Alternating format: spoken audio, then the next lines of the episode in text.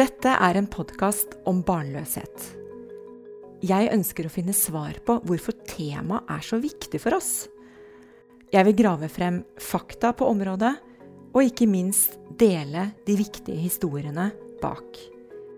Jeg er Cecilie Hoksmark, og mitt mål er større åpenhet. Velkommen til deg, Ragnhild Bangnes. Takk for det. Du er jo lykkeforsker. og jeg har lurt veldig på om det hva som står på døra di på Folkehelseinstituttet hvor du jobber. Der står det seniorforsker. Kanskje psykolog også, men det står ikke lykkeforsker. men det er jo det du er. Det er det vi har lyst til å kalle deg for. det hender jeg blir kalt lykkeforsker, altså. Det gjør det. Jeg bruker oftere begrepet livskvalitet med det jeg holder på med. Um, men, uh, men, jeg er godt vant med at folk kaller meg lykkeforsker. og så um, har jeg jo lest uh, boka di, uh, som heter 'Lykkekuren'. Mm -hmm. Og der, ut ifra den, da, så ser jeg for meg at på dagtid så jobber du på Folkehelseinstituttet med forskning. Og på kvelden så reiser du. Okay. Og så ser jeg for meg at eh, etter at vi er ferdig med dette intervjuet, mm. så sjekker du av på listen din for gjøremål for denne dagen. okay, og stryker ja. ut. Ja. Og så får du en liten sånn lykkeboost ja. av det. Er det. Hvordan stemmer det? det har vært veldig lite reising i det siste. Pandemi. Eh, men jeg liker jo å dra på oppdagelsesferder. Det gjør det, altså. Eh, men det har det blitt lite av utover i nærmiljøet. Eh, de siste par årene. Men det har vært veldig fint. Det er utrolig mye å oppdage like rundt der man bor, stort sett. Um, jeg er nok veldig til å skrive lister. Det er mange ting man skal gjennom, og det er utrolig fint å stryke ut det som står på listen, og liksom komme i mål.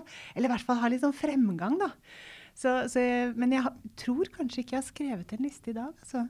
Så Oi. denne praten står ikke på listen, den har jeg i hodet. oi, oi. Ja. Um, du har jo skrevet uh, denne boken, og den tar jo for seg mm. da 31 dager, altså mm. et uh, velbegrunnet uh, råd, kan man kanskje si, for hver dag. Ja, det, er, det, blir jo et lite sånn utvalg av hva man tenker er, er viktig fra et forskningsfelt som er stort. og det er klart at når det gjelder å, å finne frem til grep eller tiltak eller aktiviteter for å oppleve at man har det bra, eh, så er det jo litt individuelt, ikke sant? Så det er klart at eh, det finnes ingen lykkekur som passer alle. Og, og boken har den undertittelen 'Lykkeligere på 31 dager'. Og jeg tror at man burde tenke 31 uker. Um, for alt vi gjør, det trenger å liksom konsolideres, ikke sant. Og, så jeg har tenkt egentlig at det er en, er en bok med med 31 ideer eller eh, verktøy eller tekster om hvordan man kan finne glede i hverdagen, som man kan lese både forlengs og baklengs og om igjen. Og, ja. og så har du jo eh, en del eh, begreper som du bruker i boken. Mm. Og mange av oss vil jo kanskje tenke på lykke som kanskje noe litt sånn uh, flyktig, ikke sant? Som bare kommer og går. Mm. Mens vi kanskje liker ordet tilfredshet uh, bedre. Du mm. selv bruker uh, mm. hverdagsgleden. Hva mm. tenker du om de begrepene? I noen grad så bruker jeg de litt om hverandre. Uh, når jeg snakker med folk, så tror jeg veldig mange forbinder lykke med sterke, intense og ofte flyktige eller kortvarige følelsesmessige opplevelser. ikke sant? Litt som å vinne i Lotto eller se en fantastisk soloppgang eller noe virkelig fantastisk som plutselig skjer. Eh, og så er det også mange som opplever lykke som dette med en dyp glede, vedvarende. Nesten som på en måte en slags tilfredshet med livet, det å være på plass. Eh, høre til, det å være ordentlig jorda og ha det godt. Så det er en del som, som tenker rundt lykken på den måten også hverdagsglede bruker jeg ofte for å peke på at det er så mange gledesopplevelser, som vi også kunne kalt lykkesopplevelser, i hverdagen nært like omkring oss. Eh, hvis vi på en måte flytter blikket litt, eller, eh, eller blir det bevisst. da, ikke sant? Legger merke til alle de gode øyeblikkene eller opplevelsene i, i hverdagen som, eh, som, faktisk er der. For de fleste har nok eh, et godt sant? tilfang også av mye positive opplevelser som ofte liksom forsvinner i, i, hverdagens kaos og mas og rutiner og, og, og jag. Um, så det å minne om at, uh, at, det er så mye godt som er like rundt hjørnet, eller ikke sant, um, det syns jeg er fint. I arbeidssammenheng så bruker jeg begrepet livskvalitet. Uh, og det handler litt om at jeg tenker at uh, livskvalitet det peker på at et godt liv det avhenger av mange ulike typer positive opplevelser. Ikke bare følelsesmessige opplevelser heller, men også gode betingelser. ikke sant? Rettferdige levekår kan det handle om. ikke sant? Men det handler både om å ha det bra og om å fungere godt. Så jeg tenker ofte om om livskvalitet at det er et, eh, et, begrep som favner det gode liv på mange måter. Da. Både det indre og, og betingelsene rundt oss, som jeg tenker er litt sånn viktig i folkehelsearbeid særlig. Eh, hvor vi ofte fokuserer nettopp på betingelsene som, som, er viktige for at vi skal leve gode, rettferdige og engasjerte og mestrende liv. Så, så livskvalitet er liksom begrepet jeg oftest bruker. Men, men, på mange måter så er kanskje det nærmere den, den, det lykkebegrepet som man brukte i antikken. For oss, eh, for oss eh, i dag så, så, tenker vi kanskje på lykken som mer sånn subjektive opplevelser og følelsesmessige. Um, I antikken så, så, handlet egentlig lykken, eller eudaimonia, som man ofte brukte som begrep, om, om um, å leve i pakt med verdier, leve et godt og riktig liv. ikke sant? Vise mot, visdom, klokskap. ikke sant? Det å, å være måteholden. Um, så uh, og, og, det var på en måte noe som altså Det var et slags velferdsbegrep. Så lykken hadde en naturlig plass innenfor etikken. Um, så, så, livskvalitet er kanskje litt nærmere det antikke lykkebegrepet. Kanskje. Mm. Mm. Og nå prater jo psykologen med en biolog. Ja. Og da må jo jeg spørre deg, er det sånn at denne hverdagsgleden eller lykkefølelsen mm. um, hvor, hvor, stor rolle spiller genene? Når det gjelder eh, alle menneskelige egenskaper, enten det er personlighetstrekk eller, eller uh, lykke eller depresjon eller um, hva enn det måtte være, så har gener en rolle de spiller. Uh, men det er klart at uh, vi mennesker vi er ikke determinert. Vi, kan, uh, vi, forandrer oss hele tiden. Vi er laget for å tilpasse oss omgivelsene. Så det er ikke sånn at gener er determinerende. Vi vet ikke hvor stor rolle genet spiller for den enkelte. For deg eller meg kanskje varierer det også. Men vi vet at genet forklarer rundt halvparten av forskjellene mellom oss. de individuelle forskjellene. så det betyr at gener er av en vesentlig betydning. Um, det forklarer mer av forskjellene mellom oss enn f.eks. inntekt og kjønn og alder. Så det er en stor på en måte, effektstørrelse, som vi ville kalt det da, i forskning. Um, men allikevel så er vi så preget av sant, det som skjer oss, og hva vi lærer, og hvor vi er, og hvem vi er sammen med. Så de spiller en rolle. Der de kanskje spiller en størst rolle, er i forhold til dette med stabilitet. Det ser ut som vi mennesker har en slags sånn grunnstemning. Eh, nesten, altså en slags tendens til å se lys på livet, eller mindre lys på livet. da. Um, så vi ser ofte at mennesker som er, liksom, våkner med et smil om munnen, og uh, er de, også er liksom, fornøyd på bussen, de er fornøyd til å spre glede på jobben, og så, så koser de seg når de er på trening osv. Så, uh, så de er sånne lykke, uh, lykkespredere og, og har kanskje en tendens til å se mer lys på livet enn andre. Og vi ser at den stabiliteten, den grunnstemningen, den er betydelig arvelig. Um, så, så, da snakker vi ofte om at den er liksom 80% arvelig. Men det er vanskelig å omsette det til liksom praktisk liv. Da. Men, men, kanskje kan vi kjenne oss igjen i at noen mennesker ser litt lysere på livet, og noen er litt mer skeptiske eller litt mer nærtagende. Litt som en sånn personlighetstrekk. Men alle kan vi få det bedre, og vi finner glede og, lykke på litt forskjellige vis. Mm.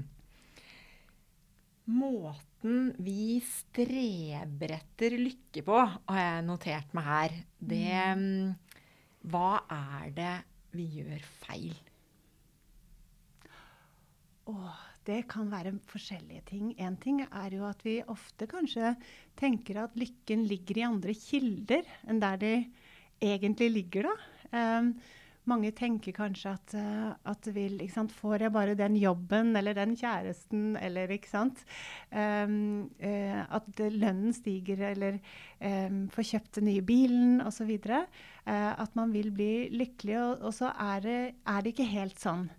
Um, så det kan hende at det er kildene uh, som vi um, vi leter etter lykken på litt feil sted. Og så er det jo også en del ting som er vår måte å tenke på, ikke sant? Og, og fungere på nesten som art, ikke sant. Um, som, um, som, kan virke inn. Vi sammenligner oss lett med andre, f.eks. Og så er det noe med forventningene vi har. Vi har kanskje litt høye forventninger ofte. Uh, og vi kan bli litt opptatt av å, å hele tiden uh, måle, eller hvor, hvor hvor godt vi har det i forhold til liksom, det optimale eller perfekte liv. Um, det er en del forskning som tyder på det å ha, uh, være på en sånn strategisk lykkejakt henger sammen med at man har mindre tendens til å bli lykkelig og glad. Da. Uh, og det handler kanskje om at man har så store forventninger, og så blir man veldig sånn målende og vurderende da, i forhold til har jeg det optimalt nå, går det fremover? Man blir så selvfokusert, egentlig. da. Um, og så er ofte lykke og glede å finne i relasjoner til andre. Eh, og når man blir opptatt av seg selv, så tar man blikket bort fra de andre, f.eks. Sånn at eh, de forventninger man har, og, og, og det å, eh, å, lete for mye etter lykken, kan, kan, på en måte backfire, da. Hmm. Du har skrevet om um, hverdagsgledens fem. Ja. Det må du forklare ja. hva du tenker på. Ja, De snakker jeg veldig ofte om, for jeg syns de er så geniale. De ble laget uh, som en, um, en, slags den psykiske helsen, eller lykkens fem om dagen. Akkurat som fem frukter og grønt om dagen til Verdens helseorganisasjon. Uh, utgangspunktet for det var nettopp å finne frem til hva er de fem viktigste temaene eller aktivitetene eller, som, uh, som gir folk flest glede. Eh, og da var det en eh, forskergruppe i eh, Storbritannia som, som egentlig utarbeidet Hverdagsgledens fem for britiske helsemyndigheter. Og det er over ti år siden. Um, og de gikk gjennom et svært materiale av rapporter og forskningsartikler osv. Og, så og så kom de frem til de fem aktivitetene. Da. Og det handler om det å um, knytte bånd. Det er det første. Og det er kanskje det aller viktigste i lykkeforskningen også, eller livskvalitetsforskningen, den psykiske helseforskningen. Det, vi er flokkdyr. Vi trenger hverandre. Vi, det å gjøre gode uh, og fine ting med og for andre, det bringer glede. Ikke bare eh, i de nære og tette relasjonene, men også det å sånn, småprate litt når vi handler kaffen eller på toget. ikke sant? Alle de tingene som vi kanskje har mistet en del i, i, gjennom pandemien. ikke sant? Det å være del av et fellesskap, ikke sant? Det hører til. Eh, så det med å knytte bånd og investere i relasjonene, både de nære og de litt fjerne, det er et viktig grep. Og så er det dette med fysisk aktivitet. Det er en vidunderkur, rett og slett. Det løfter humøret. Det styrker kroppen. Det kan sågar få hjerneceller til å, til å gro, for å si det litt sånn eh, enkelt. Eh, så det å være i aktivitet og, og, det er jo klart at vi skal ikke alle løpe maraton. Det er viktig å finne noe, en aktivitet som man trives med, og som man kan få til. Og så må man ikke nødvendigvis følge Helsedirektoratets anbefalte lengde eller mengde. Eh, man kan starte med mikrotrening om så er. Finne aktiviteter som passer den form og, og um, alder og um, interesser som man har. Og så er det dette med å være til stede. Mye fokus på dette med mindfulness eller bevisst nærvær. Eh, det å være til stede i livet, både i det som skjer inni en, og reflektere over erfaringene, men også i omgivelsene rundt en. ikke sant? Legge merke til krokete greiner eller vind eller lukten av ja, ribbe til jul eller smaken av markjordbær på sommeren. ikke sant? Det å være til stede. Eh, og jeg tenker ofte at det er sånn, et helt utrolig kilde til, til, glede, eller hvordan humøret kan snu når man plutselig stopper opp og, og tar inn over seg en del av den virkeligheten som hele tiden er der, men som man ofte ikke har tilgang på, fordi man har på en måte oppmerksomheten da, et annet sted. da. Um, så det er det mye forskning som tyder på også. Betydningen av bevisst nærvær. Og ikke nødvendigvis at man må gå på mindfulness-kurs eller meditasjonskurs. Uh, det å være til stede i oppvasken, togturen, uh, er like effektivt. Og så er det dette med å lære nye ting. Vi er kunnskapssøkende og, og nysgjerrige av natur. Og det er noe som de fleste eh, opplever glede ved. Bak alle spørsmål så finnes det på en måte en sånn verden av muligheter og oppdagelsesreiser. Hvordan, jeg tror I boken så spurt, stilt spørsmålet hvordan puster en flue? Men det kan være så mange, mange spørsmål som man har lurt på. Så det å, å lære Liksom, bli kjent med en um, ny forfatter, musikkart, det å ta opp igjen en gammel hobby, det er uh, noe som gir de fleste glede. Og så er det dette med å gi og bidra til andre. Um, vi trenger å føle at vi har verdi, men også å tilføre verdi. Um, det å bidra, enten det er som frivillig eller med en hjelpende hånd, eller.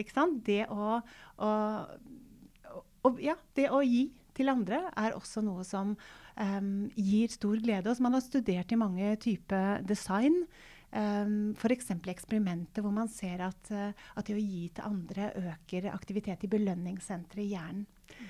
Så, så, det er de fem hverdagsglederådene, som er liksom aktiviteter som vi alle kan ta i bruk og liksom tilpasse alder og form og den hverdagen vi har akkurat i dag. Så det er liksom en slags sånn indre verktøykasse for oss alle. Og bivirkningsfri eh, eh, medisin, på en måte. Eh, som jeg også tenker kan brukes eh,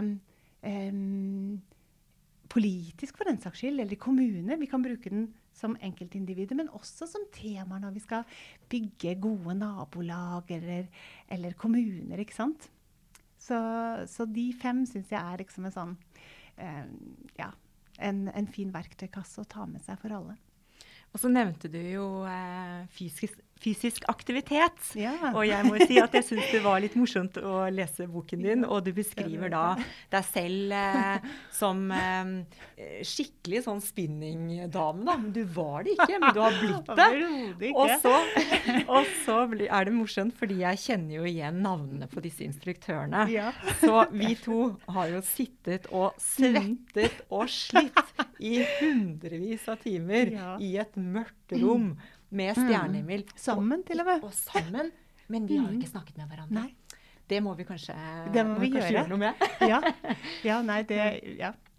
Men det eh, som jeg også tenkte på, var at mm. jeg, da sendte jeg over et avsnitt i mm. boken min, mm. 'Barnløs', hvor jeg beskriver nettopp det å sitte i en spinningsal og den fysiske driven. At tankene bare fløy. Det var som jeg hadde et ja. vendepunkt i ja. livet mitt. Og det er jo ja. helt sprøtt. Det var altså så mange tanker som kom snublende inn uten at jeg hadde anstrengt meg for å tenke det. Mm. Hva, hva, har du noen kommentarer til det?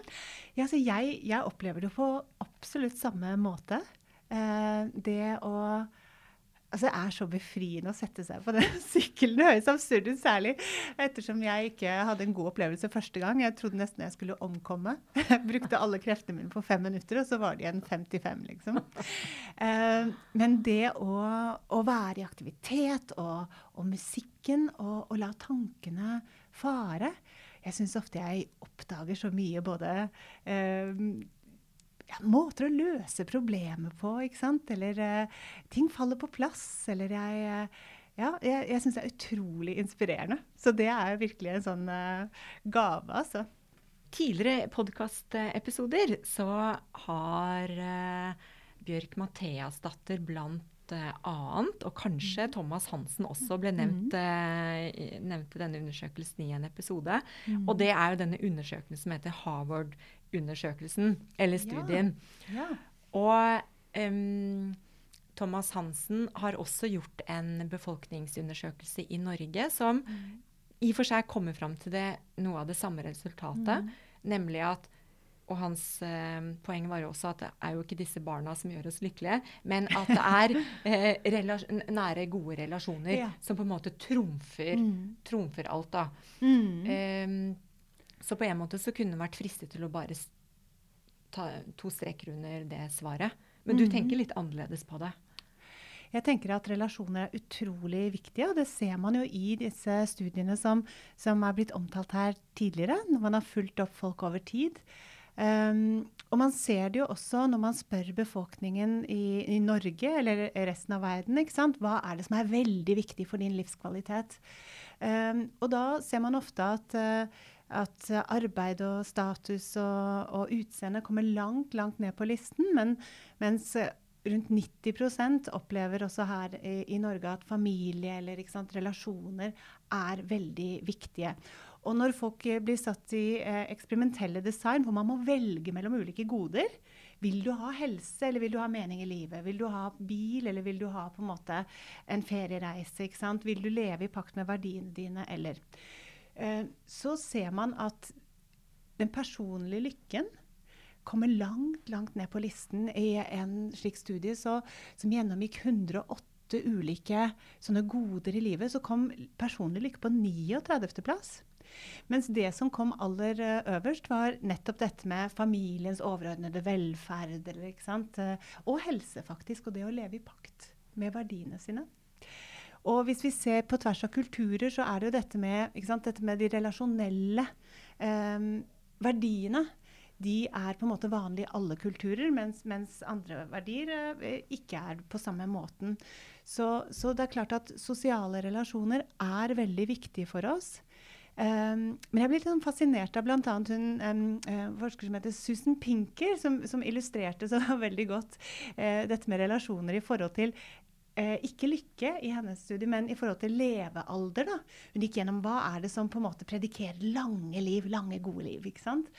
Og så ser vi på en måte betydningen av influensavaksiner, å slutte å røyke og trene osv. Og, så og øverst på denne listen så troner det to, to faktorer. Og det nest øverste er eh, de nære relasjonene. De immuniserer oss mot nederlag og kriser. De støtter oss, de gir glede gjennom livet. Eh, og også skaper lange liv, da, som var fokus for eh, hennes studie.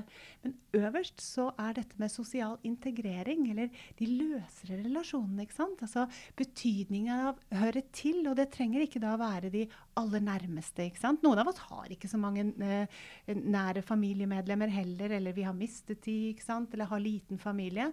Um, men vi har alle en slags sosiale behov. Behov for nærhet, behov for å høre til, være del av. Um, og det tenker jeg vi ofte ikke er nok bevisst. Uh, kan gjelde både oss selv, men også rent sånn um, politisk um, For den saks skyld, ikke sant? Uh, I forhold til hvordan vi altså, tilrettelegger for å møtes, da. Uh, for man ser i eksperimentelle studier f.eks. At, at det å småprate litt med barista når du handler kaffe, eller, eller det å småprate på toget med andre, enten du tror det eller ikke, eh, før du småprater. Eh, om du tror eller ikke at du skal bli glad, da, så gjør man det stort sett. Eh, og det ser ut som noe av det som skjer, er at, uh, at, det gir en sånn opplevelse av tilhørighet. Da. Det å være del av, uh, av, en gruppe eller av en kultur, av en samfunn. Uh, og at det kanskje er like viktig vel så viktig som, eh, som, de aller nærmeste. Så jeg tenker at relasjoner er veldig, veldig viktig for oss.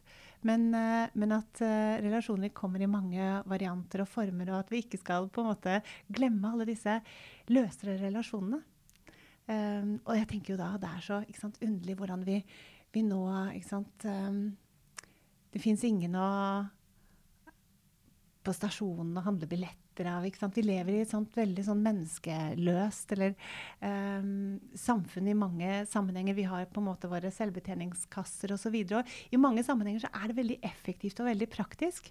Uh, men når man har studert og sett uh, uh, sammenhengen mellom de eller betydningen da, av de løse relasjonene, så tenker jeg at det kan være kostbart i den andre enden allikevel. Selv om det effektiviserer og skaper um, Frigjør midler og penger for den saks skyld.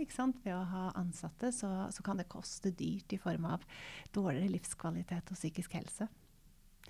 Så det har jeg vært litt opptatt av nå gjennom pandemien f.eks., hvor man plutselig nå ser for seg at man kanskje skal ha hjemmekontor, ikke sant? si opp kontorlokaler osv. Um, det må vi ikke gjøre. um, du fortalte meg at uh, dere har publisert en uh, rapport som kom i dag. Vi har eh, publisert folkehelseprofiler. Ja, ja, det var det. Det er det, ja. ja. Det, er, det, er, informasjon til alle landets kommuner om hvordan det står til i kommunen. Og det gir på en måte tallene Eh, hvor kommunene kan sammenligne seg med slik det har vært før, eller nabokommunen, eller landet, eller fylket, på en lang rekke indikatorer. Både livskvalitet og i form av sant, rent drikkevann, eller hvor mange som fullfører videregående skole, eller som har dårlig råd, eller hvor lenge man lever, osv. Mm. Og det bringer meg over til eh, et kongedømme hvor du også har vært, som oh, ja. heter Bhutan. ja. Og jeg leste så vidt det i boken din, og det ja. ble jo veldig fascinert. Så Nettopp. spørsmålet er jo om begynner Norge å nærme seg Bhutan? For de har jo noe spesielt eh, Ja, altså de Det var vel kongen i Bhutan som på begynnelsen av 70-tallet eh, i, forbindelse med at, uh, at, han ble utsatt for noe kritikk og hvordan det var i Bhutan osv. Så, videre, så sa han at vi er ikke opptatt av uh, bruttonasjonalproduktet. Vi er opptatt av bruttonasjonal lykke. Uh, og de har jo jobbet både med målesystemer og, og markert seg internasjonalt som, som uh, lykkelandet. På mange måter så begynner vi å ligne, i hvert fall i form av at vi også nå skal jobbe mot en nasjonal livskvalitetsstrategi. Vi har um, laget uh, målesystemer for at vi skal kunne følge med på hvordan folk har det. Ikke bare i form av hvor uh, lenge man lever og hvor mye man tjener, men også om man er tilfreds, uh, om man opplever å få brukt seg i arbeidssammenheng, om man er trygg og, fornøyd på, på, hjemstedet, om man har, um, um, har gode relasjoner osv. Og det jo, er jo tenkt som et supplerende mål på samfunnsutvikling, og, og ikke minst i tilretteleggingen av, uh, av, tiltak og prioritering lokalt og nasjonalt og regionalt. Så, så, vi begynner å ligne litt. Men det er ikke bare her i Norge. I dag er det rundt 50% av alle OECD-land som utvikler målesystemer for livskvalitet. Og, og sågar er uh, man i ferd med i enkelte land også lage på en måte budsjetter, livskvalitetsbudsjetter, sånn at uh, livskvalitet uh, skal bli enda førende som, som mål og, og, strategi for samfunnsutviklingen. Mm. Det er spennende. Du, hva, nå har du fortalt oss litt hva du forsker på. Med et sånt avrundende spørsmål, da, så jeg jo, har jeg lyst til å vite hva du hva du har tenkt å forske på nå fremover? Eller er det hemmelig? Oi, nei, vet du, vi har, vi har, Det ligger litt sånn føringer i hva vi skal gjøre. Fordi vi har vært så heldige å få en del midler til å forske videre på bl.a. dette med sosiale relasjoner og livskvalitet. Um, så det er noe vi vil uh, fordype oss mer i i flere forskningsprosjekter. Um, og så så, skal, så, er planen at vi også skal eh, jobbe mer med forståelsen av verdier i forhold til lykke, faktisk. Eh, jeg nevnte jo dette med de antikke filosofene, så vi har laget et eh, samarbeidsprosjekt med filosofer på Universitetet i Oslo. Eh, og hvor vi skal bl.a. se på sammenhengen mellom den antikke forståelsen av lykke og moderne psykologisk forskning. Og det vi særlig vil fokusere på der, er dette med lykken som sant, verdibasert, eller ikke sant, forholdet til verdier. Da. Og også om lykken er sosial, eh, om den er en del av vår natur. Eh, og om lykken faktisk eh, er en virksomhet, en, en, aktivitet nærmest. Det å være i, i meningsfullt virke.